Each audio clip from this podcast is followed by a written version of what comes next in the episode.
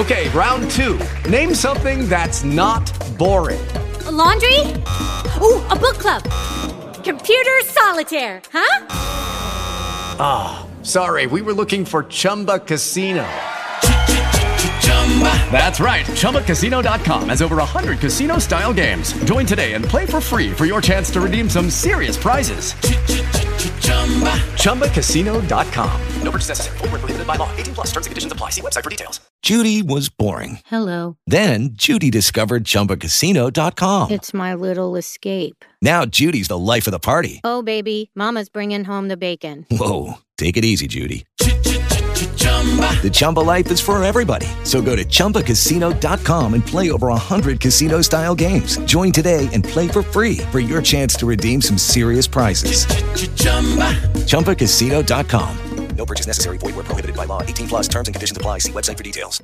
Uh, ég heiti Marjana Vestmann. Byrjaði að gera skarkgripi í desember og sinnstari kynntist fyrst skarkgripa gerðinni fyrir tveim ára þegar mamma var í þessu og syndi mér hvernig þetta gerða og mér fannst það sniðt þannig ég fór að dúla mér við þetta. Vandaði eitthvað svona auka áhugamál. En ástæðan fyrir að ég opnaði netverslun fór að reyna að selja þetta var að ég var náttúrulega í desember þá er ég búin að gera helling.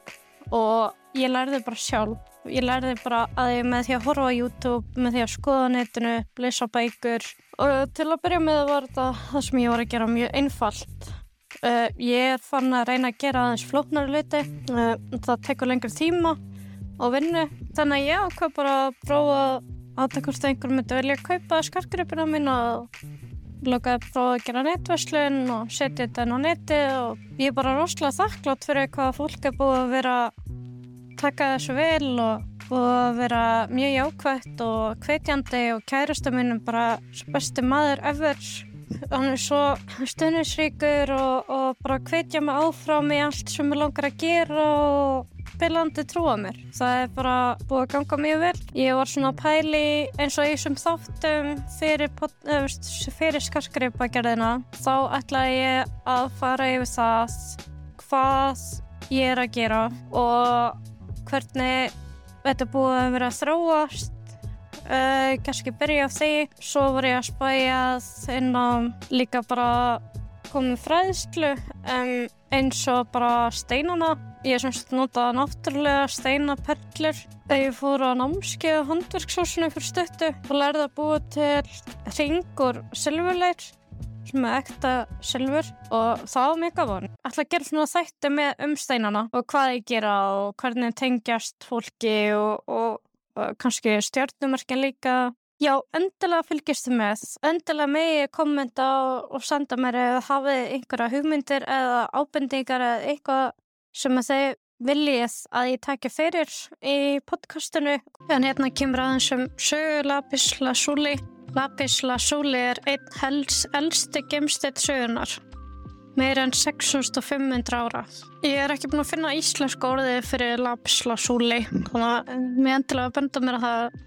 En þessi djúblá stein inniheldur örsmá gljásteina eins og nætur heiminn fyllan á stjórnum. Þekktasta uppspretta þess er djúft í fjöllum Afganista. Tveggja hlutan aftast þessar steins kemur frá tveimur mismönda menningarheimu. Lapis er latnesk orð sem þýðir stein, en lasúli kemur frá persneska orðinu lashuart sem þýðir blár.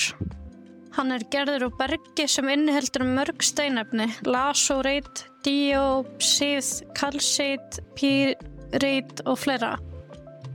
Biblíufræðingar teljað vísanir í gamla testamentinu til Safirs bendir í raun og veru til Lapis Lazuli þar sem Safir gemsteinin var ekki þekktur í miðausturlöndum fyrir rómverska eða heimsveldi. Þessi djúblega stein var elskar á fornu Egiptum, Babilónum, mennum, mínómum, kynverjum, grekkjum og alltaf rómverjum. Svo hefur verið notaður í listi gegnum aldinar.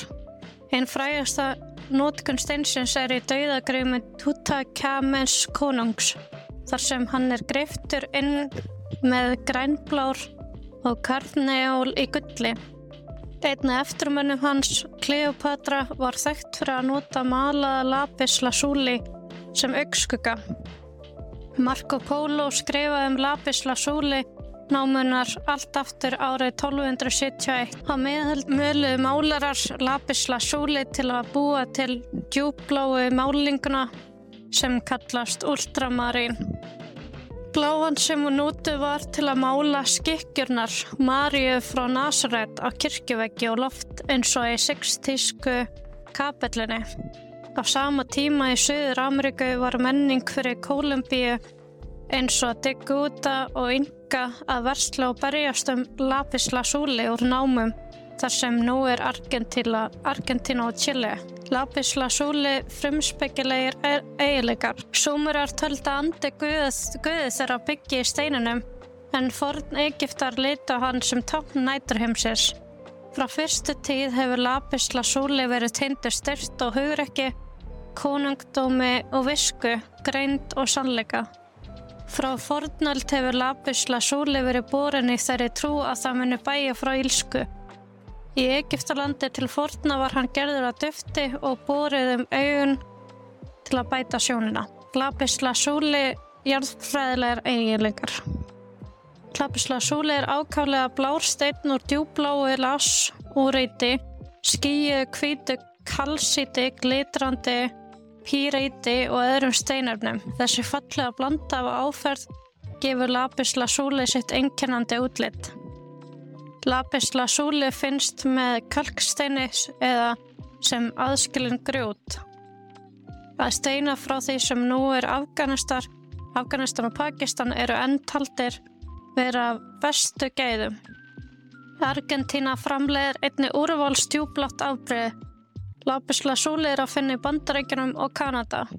Svona lapis lazuli og stjórnumerkin eins og manneskjur gefa steinanum frá sig orku sem hefur áhrif á fólk. Þeir hafa mikil áhrif á allt líf sem umlikar þá. Lapis lazuli okkar er engin undarþekning. Græðarar, prestar og kungafólk frá mismöndi stöðum í heiminum notið þennan bláa A-holf eðalstein sem er talin við einn af eldstu andlegu steinum sem menn þekkja. Við vitum nú þegar að lapis lazuli er stein heimsins. Það er tengt við stjórnumerki á sama hátt og allir aðri náttúrusteinar. Laðar að hefni gefur ást. Lapis lazuli getur útrymt slæmum hugsunum. Hann hefur töfrandi kraft og talið frá forna fari sem stein guðleira skefna. Lapis lazuli af bestu gæðum er að finna í djúbláum eða ultramarín lit með gildum bletti. Hann er notaður af gemsteina með, meðferðafræðingum og indverskum stjórnusbyggingum sem staðgengill fyrir bláan safir. Gemstein plánutrunar Saturnæsar og hann er einni notaður af eir, eirveta læknum við að útbúa lif. Talið er að gemsteinin tapnu vinóttu og sannleika. Hann var dýrmætur og vinsall gemsteinn í fórnum siðmenningum. Lapis lazuli fannst fyrst í Afganistan þar sem bestu gæði þessa gemsteins eru fáanlega. Í heimsveldi Súmer tápnaði lapis lazuli steinn geði í frjósumar. Holdleirar ástar, stríð og deilur innanna. Forn Egiptar töldi að náttúrusteinn af bláa litnum hjálpi til við samskipti við guðina.